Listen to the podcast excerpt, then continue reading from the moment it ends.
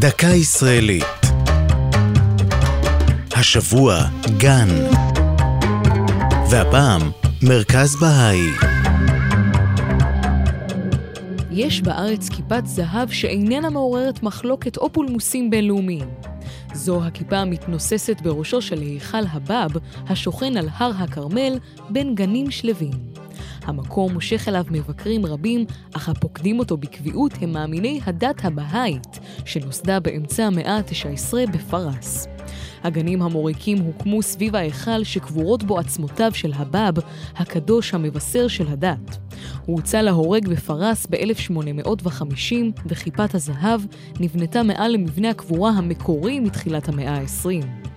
אגב, מייסד הדת הבהאית אסר מטעמים שלא פירש לעשות נפשות לדת הבהאית בארץ ישראל. האסתטיקה, מוטיב מרכזי באמונה הבהאית, נותנת את אותותיה מכל עבר. כל עלה מונח במקומו, הצמחים העונתיים מתחלפים בדיוק בזמן, והדשא לעולם ירוק. הגנים החיפניים נקראים בפי המבקרים הגנים הבהאיים, והם קיבלו הסכמה רשמית לחשיבותם עם הכרזת ארגון אונסקו על כל האתרים הבהאיים כאתרי מורשת עולמיים. זו הייתה דקה ישראלית על גן ומרכז בהאי.